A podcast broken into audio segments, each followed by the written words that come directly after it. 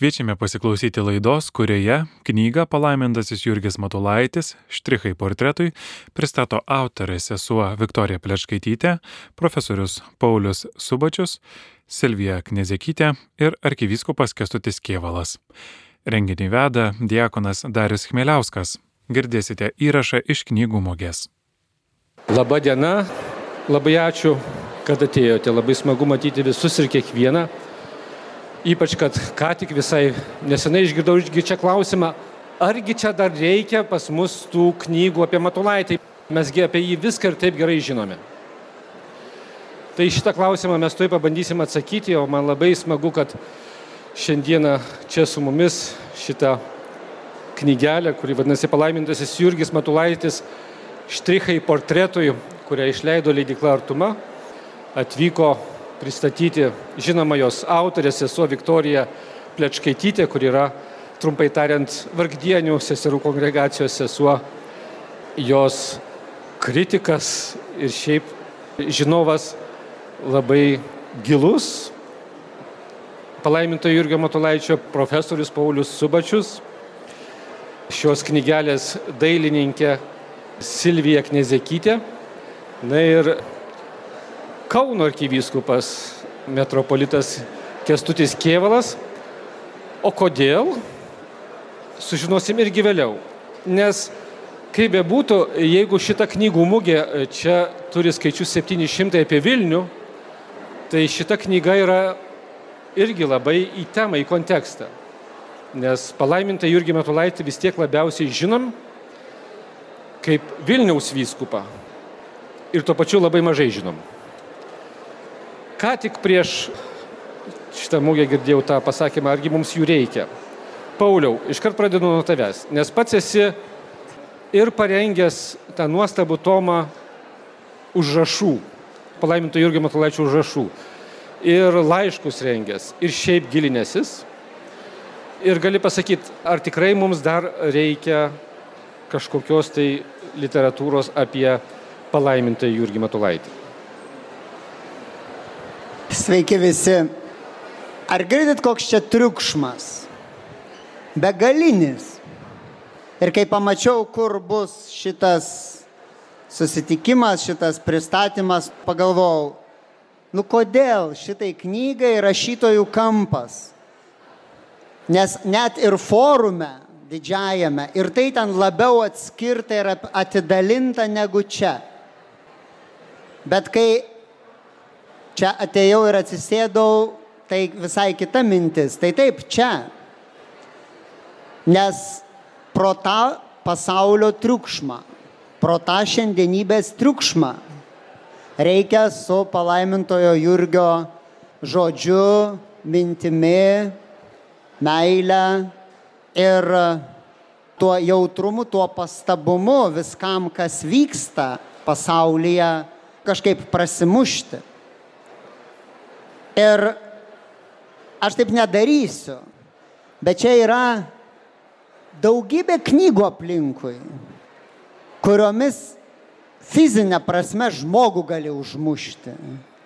Jos visos be galo storos, kietais viršeliais, jos visiškai vienadienės knygos kurios ne jos geros, jos žmonėm polsiui, atostogom, dar kam nors yra, visai jos atlieka savo funkciją ir gerai, kad jas verčia, leidžia, bet jos tam vienam kartui.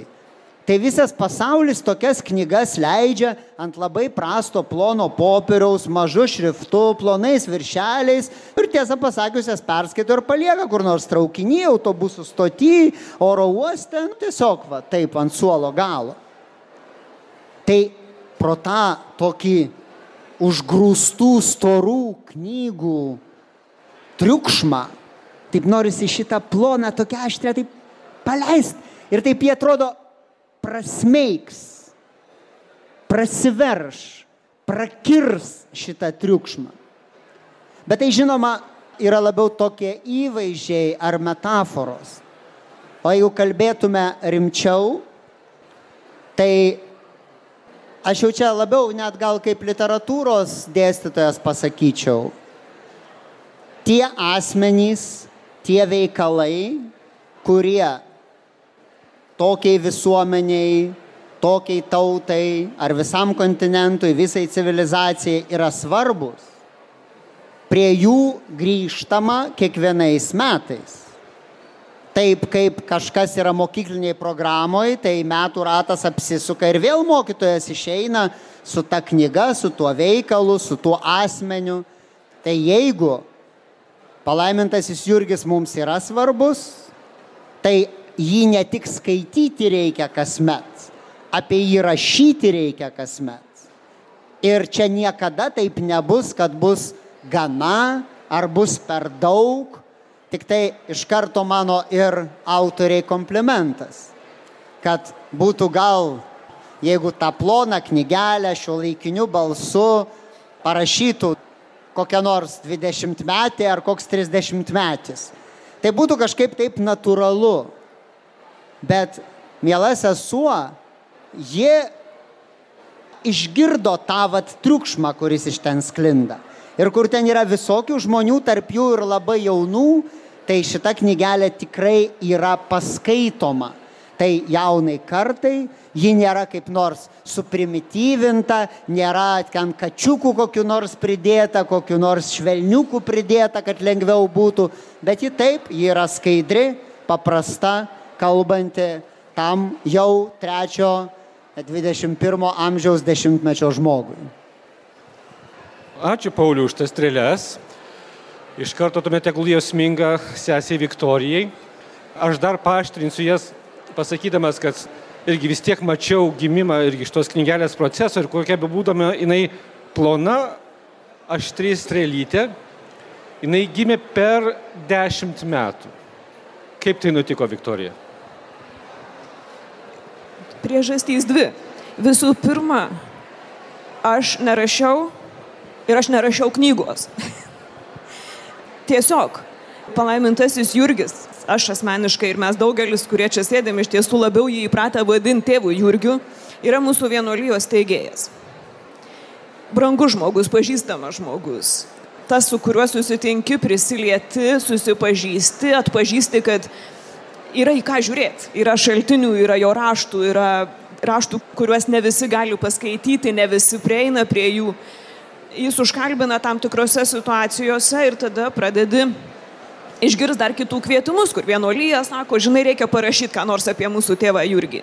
Nu, žinai, reikia įdėti į spaudą ką nors, tu gali rašyti šiek tiek, parašyk ką nors. Nu gerai, tu pažįsti tėvą Jurgį, nuvažiuok į Marijonų archyvą pasikapstyk ten, truputį susivoksi, labiau parašysi. Ir taip vienas po kito tie tekstukai pradėjo atsirasti, ypatingai 12-aisiais, kai buvo tėvo Jurgio Matulaičio metai. Artumos iniciatyva, vienolyjos iniciatyva, vis atsirasdavo straipsniukai spaudoj, dažniausiai artumoj. Vienas kitas kitur. Ir tik jau gerokai vėliau kažkam irgi ne man šovė į galvą mintis, kad iš tų tekstukų gali gimti knygelį. Seserys pritarė, dar vienas kitas žmogus palinkčiojo galvom, kad tikrai reikia. O man pačiai, man tikrai viso to reikia, nes man tėvas Jurgis yra vienas iš tų asmenų, kurie, vad būtent kaip profesorius Paulius sako, tam triukšme padeda susivokti duoda labai įdomių įžvalgų, raktų, atsakymų mano pačios buvimui šiandienos pasaulyje. Ir kaip tikinčio žmogaus, kaip maldo žmogaus, kaip žmogaus, kuris bando būti atsakingas ir prisimti atsakomybės tam tikrose situacijose, kažkaip būti dėl kitų žmonių kažkokiu vienu ar kitu būdu.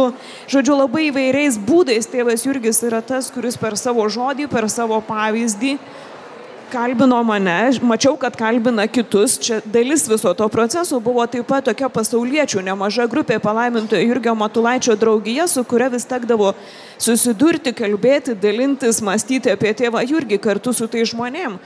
Pasiūlyti tiem žmonėm, apie ką mąstyti, apie ką pasikalbėti su tėvu Jurgiu, kokiems dalykams galima, kokiems klausimams galima paieškoti atsakymų per jį ir su juo. Taip ir gimė viskas, todėl ir užtruko. Tada, kai jau atėjo ta mintis, kad tai turi būti knygelė, tai iš tiesų nebuvo taip ilgai, buvo gal pusantrų metų. Bet iki tol buvo tas ilgas procesas, kuris net nekvepėjo, taip sakant, knygos rašymu ir kokia nors mano iniciatyva arba mąstymu, kad tai aš galiu knygą parašyti. Nieko panašaus nebuvo. Ačiū, mėla sesė Viktorija. Iš tiesų tie 12 metai, kurie buvo ganytojų sprendimų, tiesą sakant, nežinau, kurio vienas, matau, čia yra, dar slapstosi šiek tiek, galbūt net ir jo iniciatyva, tuometinis Vilniaus vyskupas pakišo tą mintį 12 metus paskelbti tais palaimintojo Jurgio Matulaičios metais, tuomet Vilniaus arkyviskupų metropolitų buvo kardinolas Audrys Juozas Bačkis.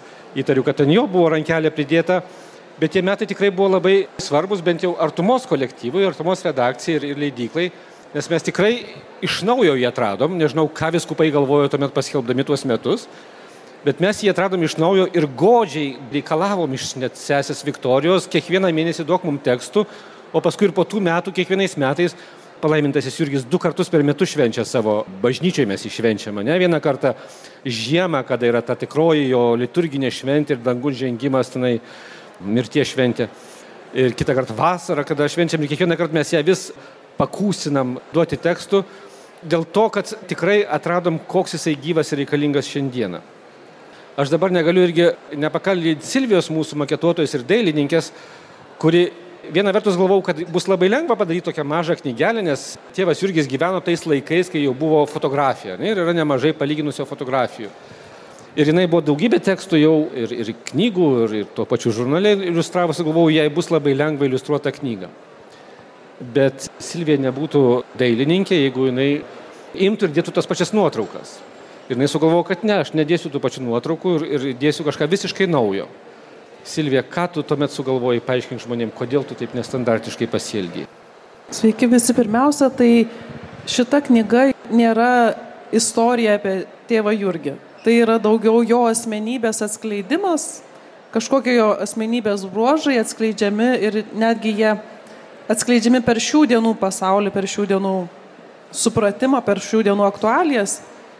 Ir lygiai taip pat nesinorėjo dėti tų senų nuotraukų, kurios visiems žinomos, bet norėjosi jį priartinti šioms dienoms, kažkaip iliustruoti, kad būtų aiškiau, kaip arti mūsų yra palaimintasis Jurgis Matulaitis, nesvarbu, kad miręs 1927 metais. Tai fotografavau jo daiktus, kad mes pamatytume, kaip vis tik tai, kaip netoli nuo mūsų. Tai tie daiktai beveik kaip mūsų senelių daiktai, kad būtų. Kad jisai čia ir dabar yra šio laikinis vis tik tai mūsų palaimintasis ir netgi yra šitoj nuotraukui Parkeris ir man atrodo tušinukas. Aš bijau aiškiai išsinagrinėti, bet maždaug padovanotas Amerikos lietuvių 26 metais. Ir tai yra vis tik tai žmogus, kuris jau naudojasi tušinukais. Tai vėlgi tas prisilietimas prie palaimintojo Jurgio ne tik tai per portretus, bet ir per daiktus. Nes visa ta knygelė būtent yra tokia, kad per jo mintis, per jo kažkokius asmenybės bruožus, kurie mums aktualūs šiais laikais. Tais pačiais 12 metais ir tas Silvija greta tų tekstų sugalvojo, kad reikia vis tiek tą Jurgį irgi pristatyti dar žaismingiau, galbūt vaikams ir ne tik vaikams, ir jinai pradėjo visą komiksų ciklą ir tuomet kiekvienam numerį buvo irgi komiksų forma tėvo Jurgio istorija.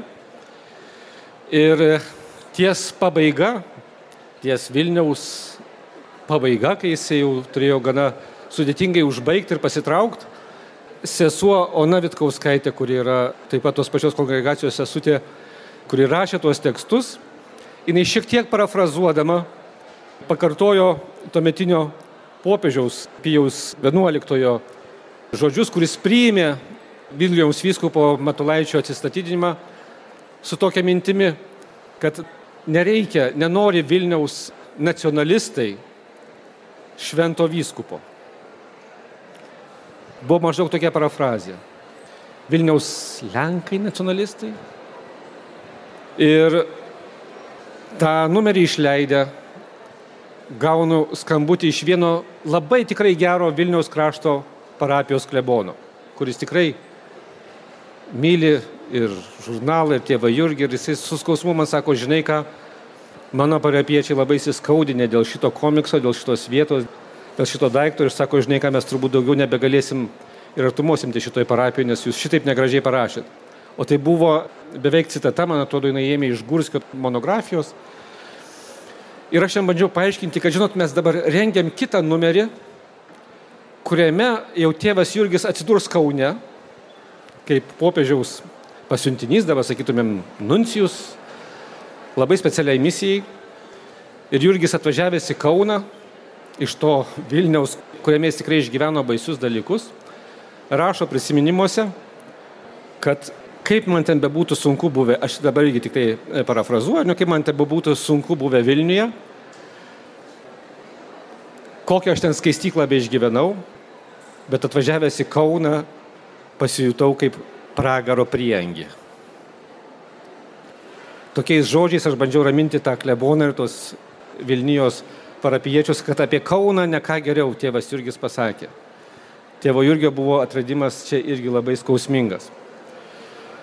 Tai ne dėl to, kad Kaunas jam buvo kaip pragaro priengis, bet dėl to, kad galbūt mes irgi mažai žinom apie tėvą Jurgį ir Kauną.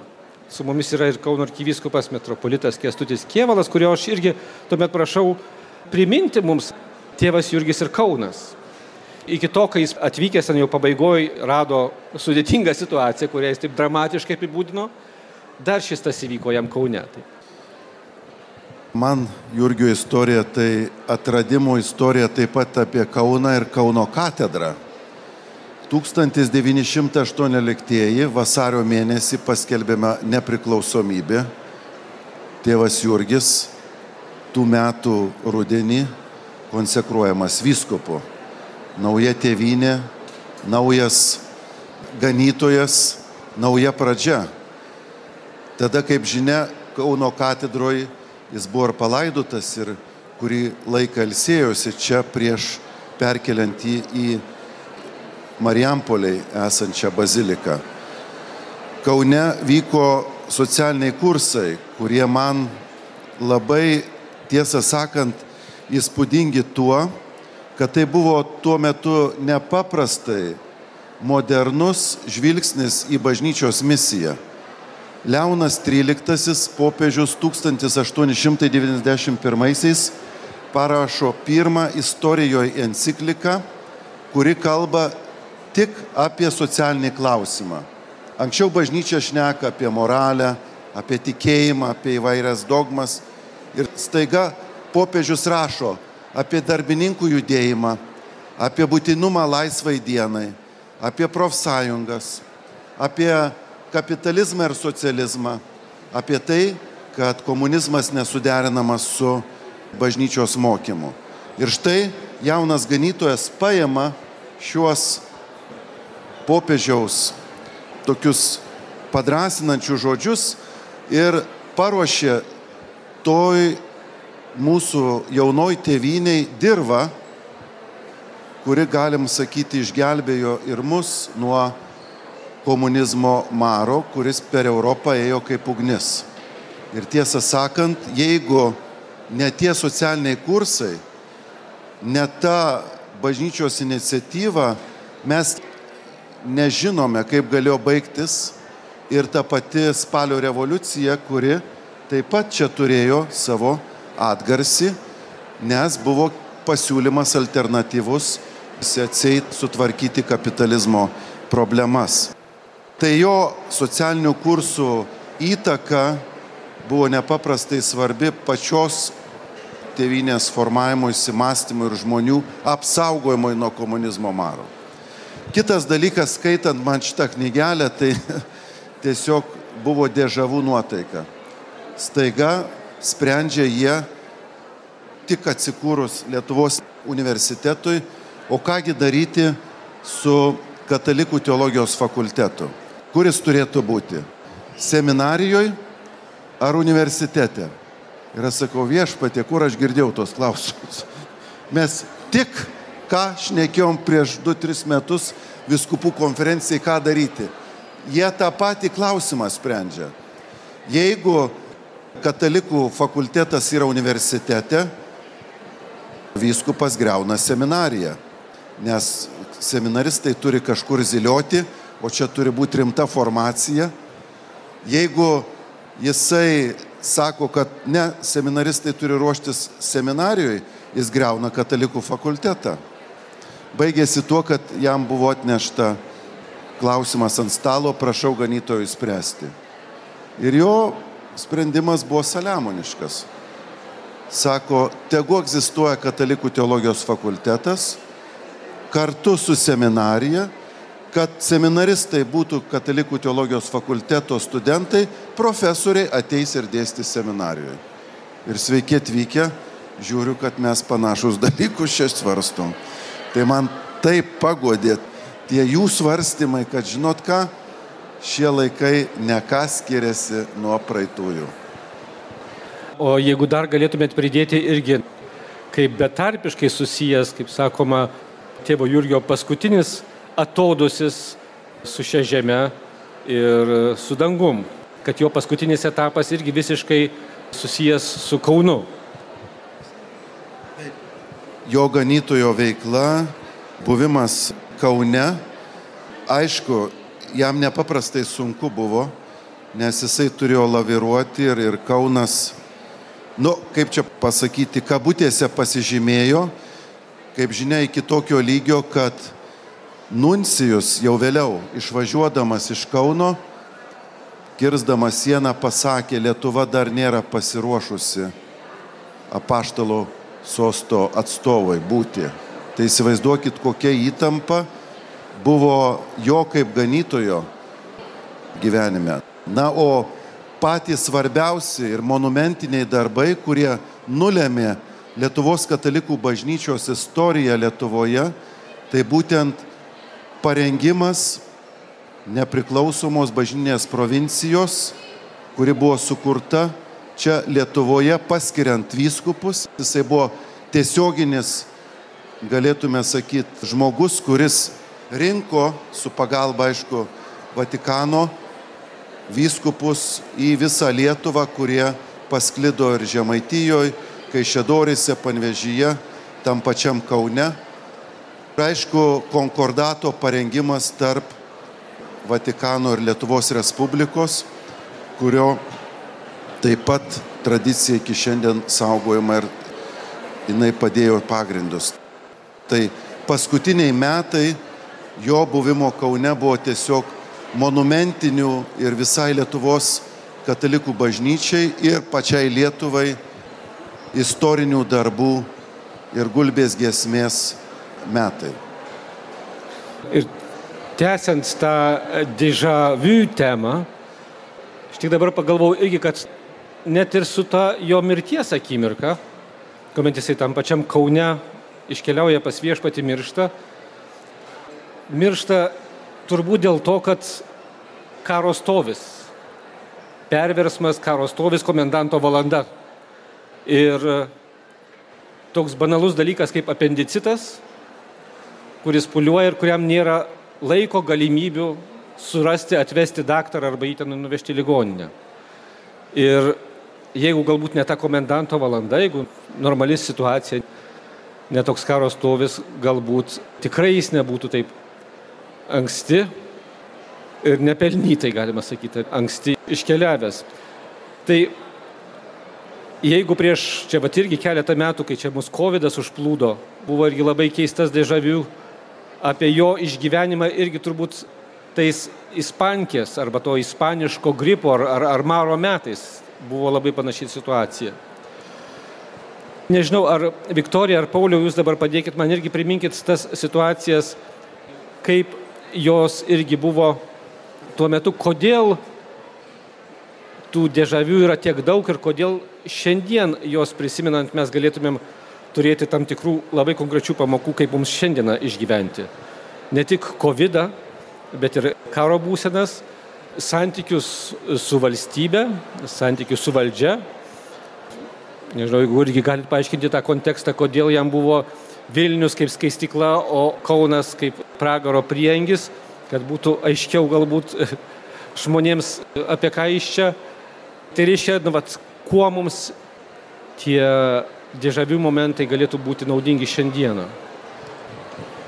Tai viskas kartojasi dėl to, kad žmogaus prigimtis nelabai keičiasi, o čia tie tokie kriziniai dalykai, jie pirmiausiai kyla iš žmogaus prigimties. Ir kaip tik keičiasi detalės, o ta esmė išlieka.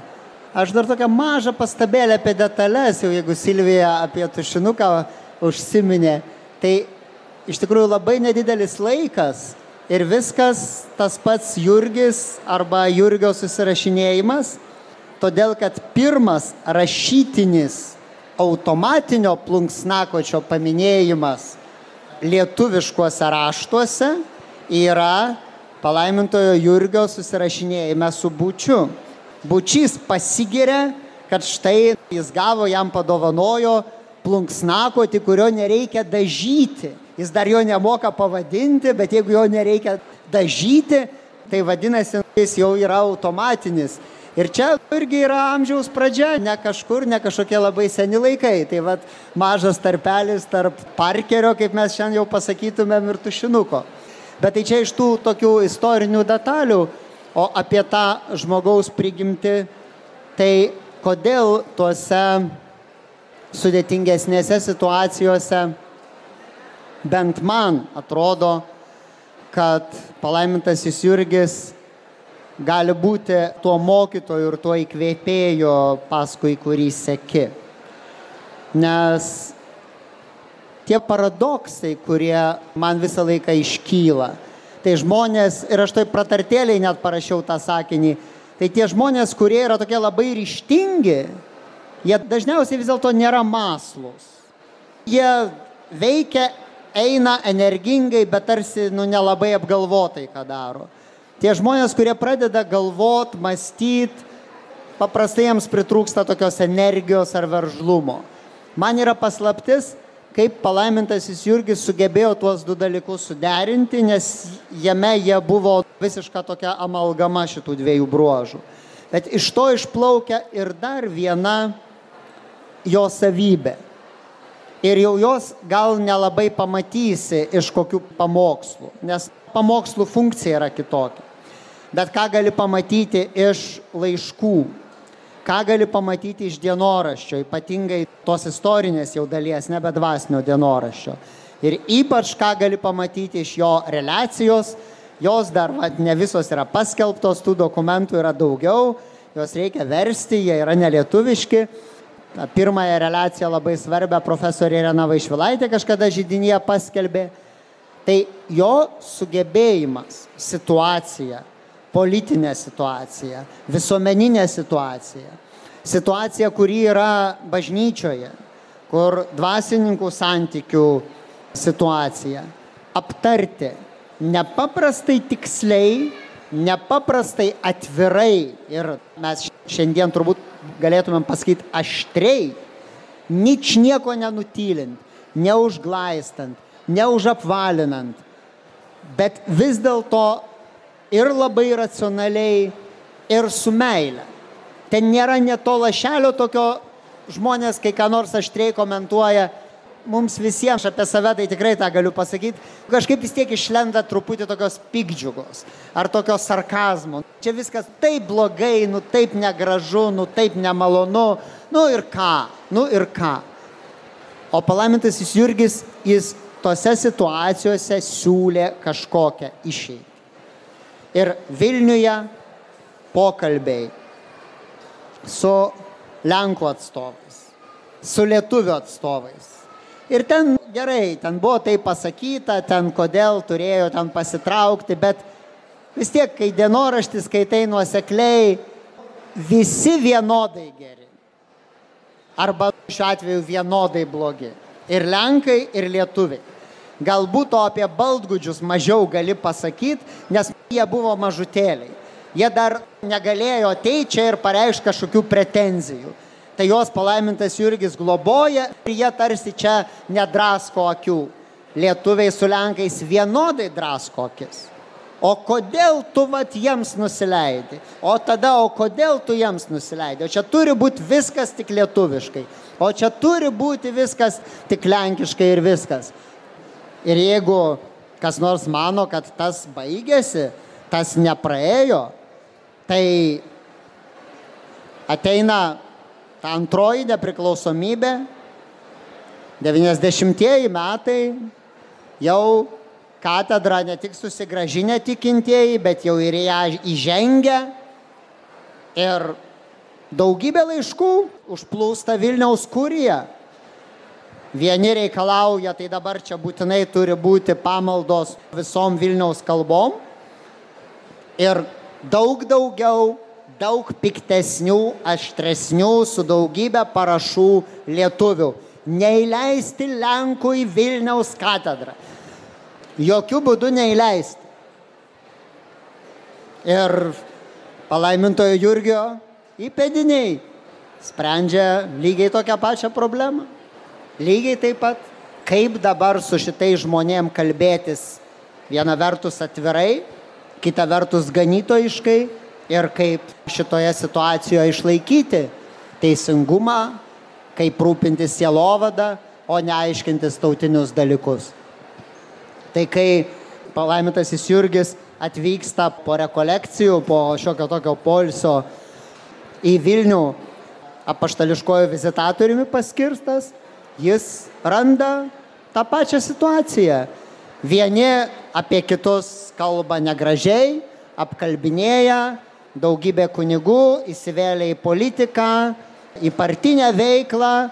Ir iš tikrųjų, taip mes dabar galim gražiai istoriškai kalbėti apie tos mūsų prieškario vyskupus, jie padarė daug svarbių dalykų ir paskui ir kankiniais kai kurie iš jų tapo, bet iš palaimintojo Jurgio relacijos tai vaizdas toks, ne tai, kad yra geras ir dar geresnis ir mes labai turim iš ko čia rinktis, ką pasiūlyti į tuos kuriamos bažnytinės provincijos, tų naujų viskupijų vyskupus.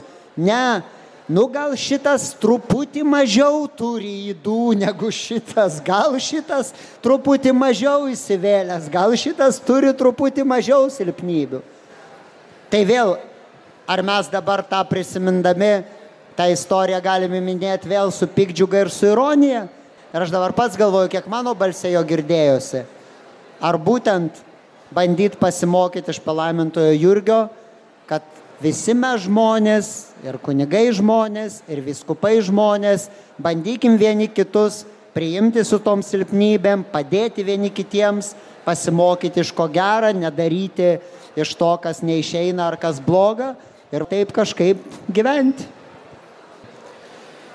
Sesė Viktorija, pati esi vis tiek kaip niekas kitas, tikrai drįstų sakyti, žinai Lietuvoje tekstus ir tuos, kurie nepublikuoti, ir anuos laikotarpius, kaip pati matai tą jo laikyseną tokiuose baisiuose įtampuose, ar tiek Vilniui, Kaune.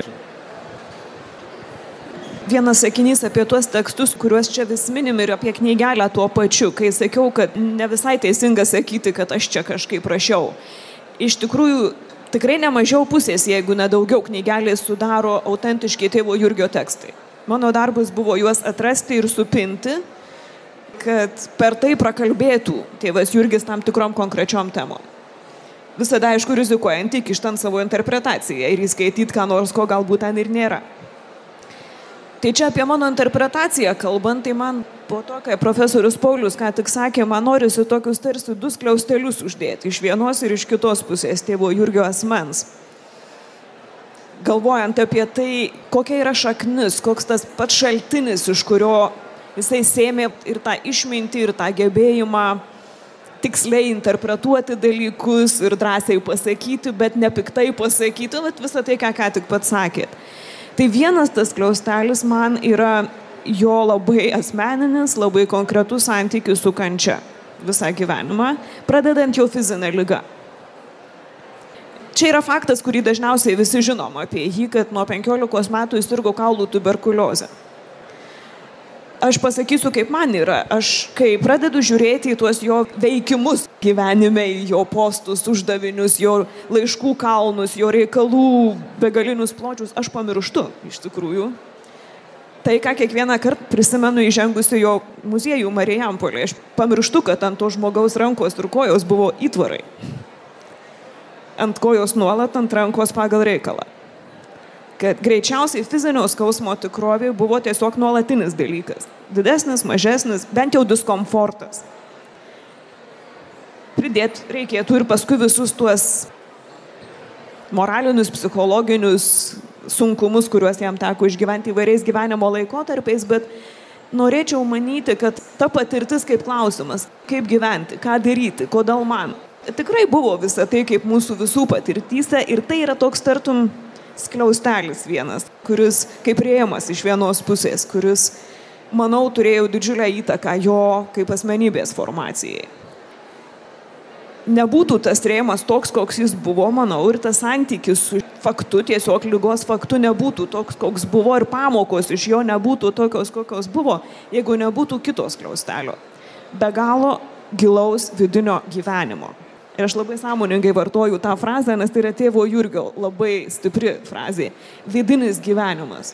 Ne šiaip pamaldumas, ne šiaip tikėjimas, kad yra, bet gyvenimas.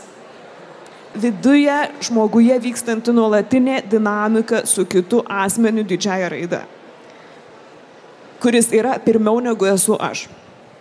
Ir nuolatinė pastanga leisti jam būti pirmiau neužšokti į priekį. Priimti, kad jis tvarko mano gyvenimą, jis yra atsakingas ir už mano, ir už kitų gyvenimus. Ir kad tame santykėje gali nutikti perkeitimai. Gali atsitikti neįtikėtini sutilpimai dalykų viename, kaip ką tik profesorius Paulius sakė. Aš irgi dažnai savęs klausiu, ar tėvo Jurgio energija ir veiklumas yra iš malonės.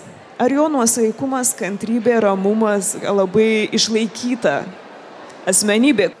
Ir vieną ir kitą gauni įspūdį ir iš atsiminimų, ir iš jo paties tekstų, iš jo laikysenų. Kuri dalis yra iš malonės? Nes abi iš prigimties negali būti. O gal abi iš malonės. Tai čia viena.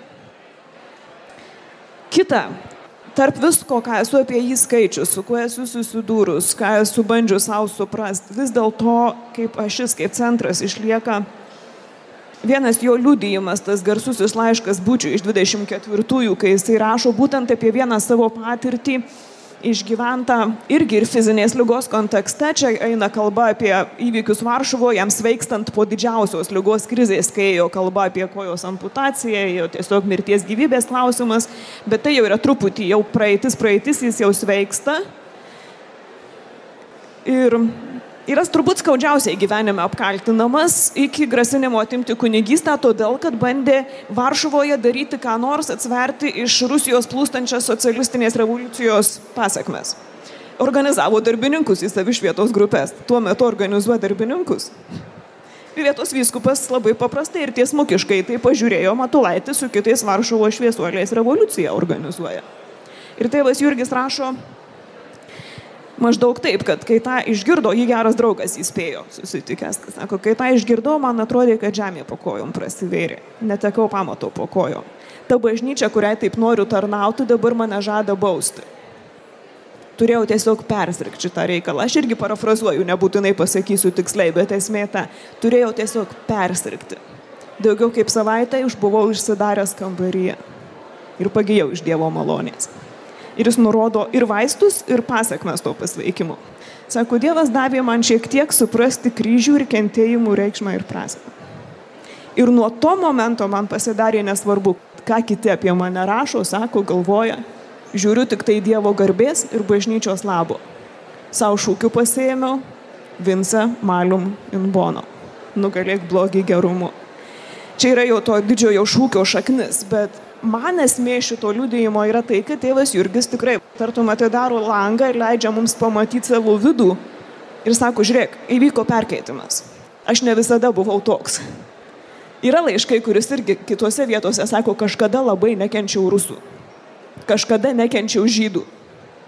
Bet Dievas davė suprast. Dievas davė atpažint perkeitė širdį ir tada visas tas Vilniaus laikotarpis, tie septyni metai, tie, kas pažįsta tėvą Jurgį pirmiausia ir, ir pats Paulius esi nekart sakęs ir kitur esu girdėjus, kad yra įrodymas, kad ta širdis tikrai buvo perkeista. Nes be tos išlaisvintos širdies Vilniuje išbūti taip, kaip jis buvo, būtų buvę paprasčiausiai neįmanoma. Išlaviruoti, išstovėti tiesoje, bet tuo pačiu ir su meile nebūti nutemtam už skverno, čia irgi jo pasakymas, sako, tą viskupą tempia įsikibę į skvernus visi, kas netingi. Taip buvo Vilniuje iš tikrųjų. Vis dėlto nenutempė.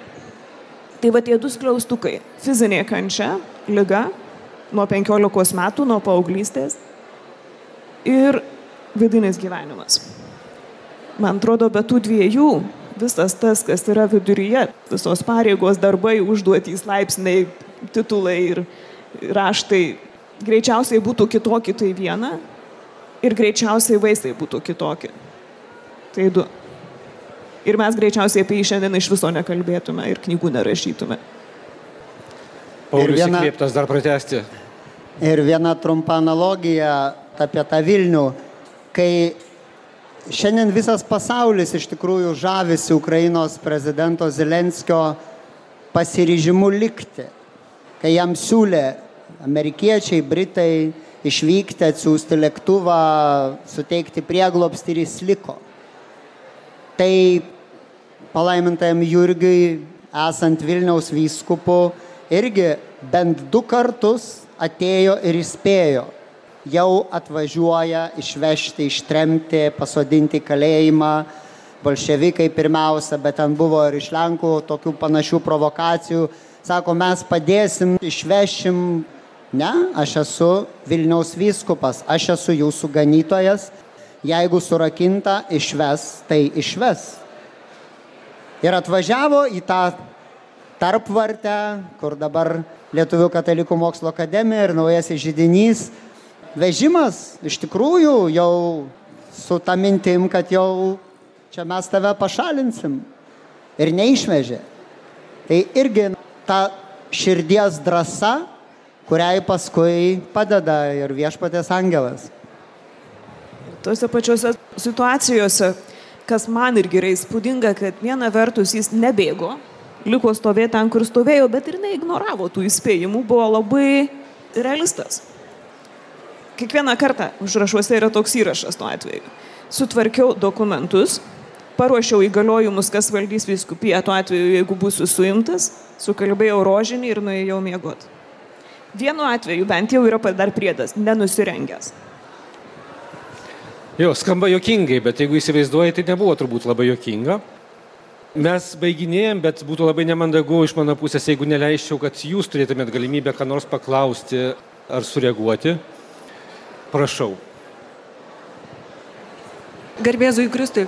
Tai Sesė Viktorija, didelis dėkui už knygą, už visas katechezės apie tėvą Jurgį. Aš turėčiau klausimą, apie ką bus kita jūsų knyga. Juk 27 bus šimtas metų, kaip tėvas Jurgis miręs. Žiūrėkit, dar ir Seimas paskelbs palaiminto Jurgio Matulaičio metais. Jeigu pastangas dėsim. O pas jūs visas lobynas. Tai dėkit, pas, dėkit pastangas ir neduokit man ramybės. Darius jau pradėjo mane graužti ir teisingai daro tikėtina, kad knyga bus, tik tikrai ant jos nebebus mano vardo, nebent ant kur nors trečiam lapelyje kaip rengėjo, o gal Pauliaus galų gale ten vardas atsidurs, nežinau, ar kieno kito.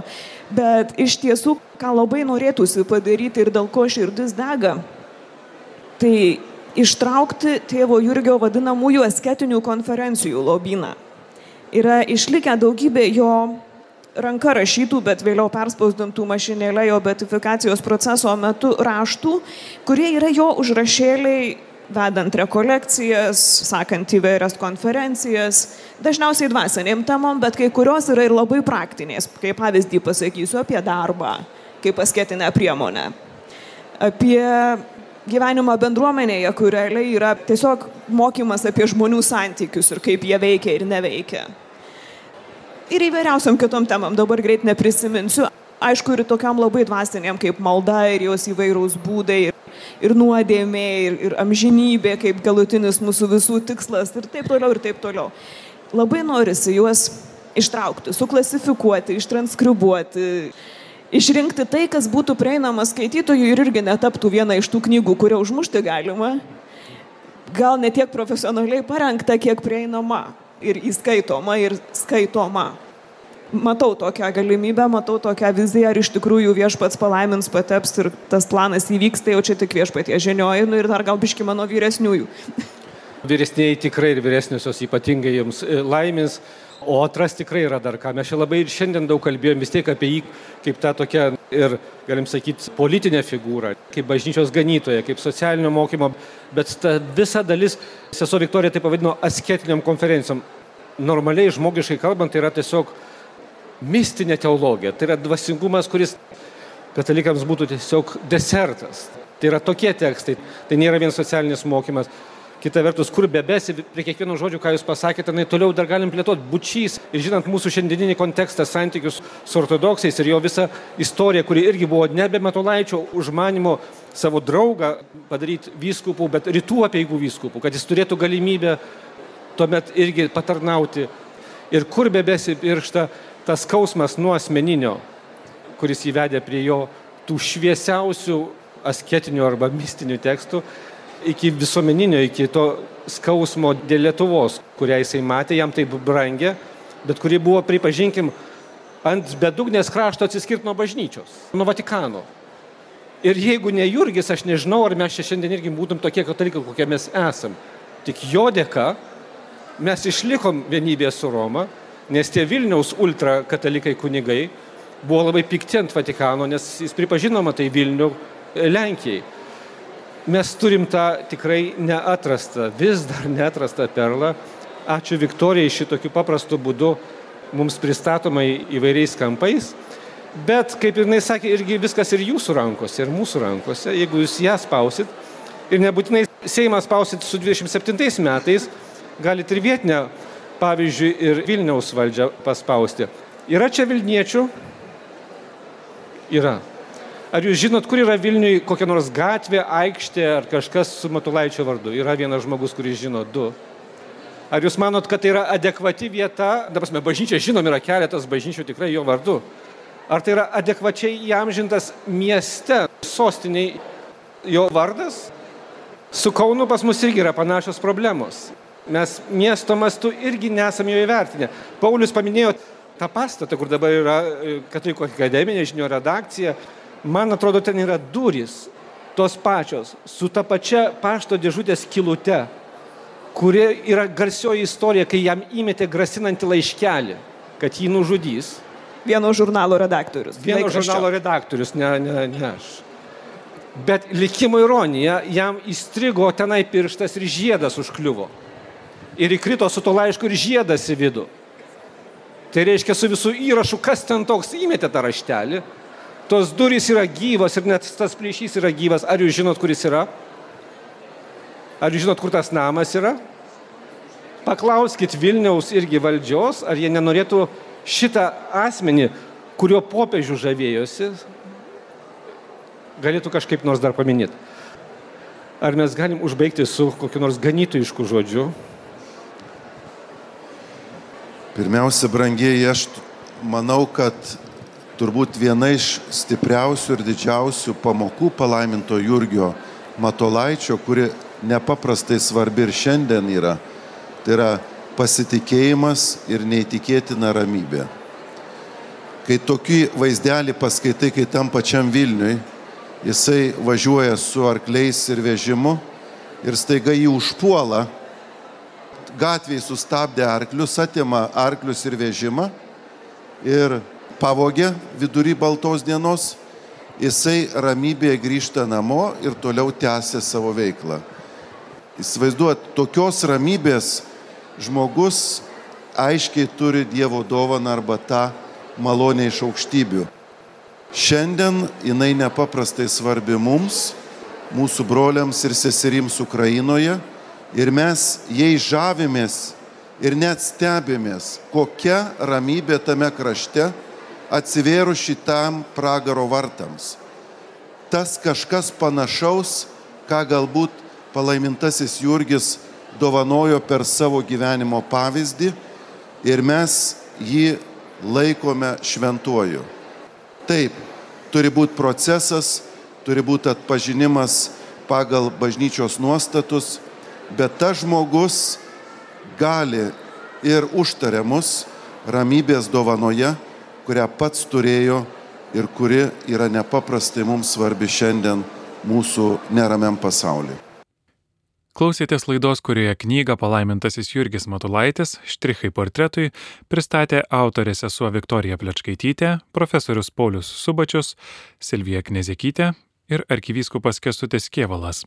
Renginį vedė diakonas Darius Chmieliauskas. Girdėjote įrašą iš knygų mugės.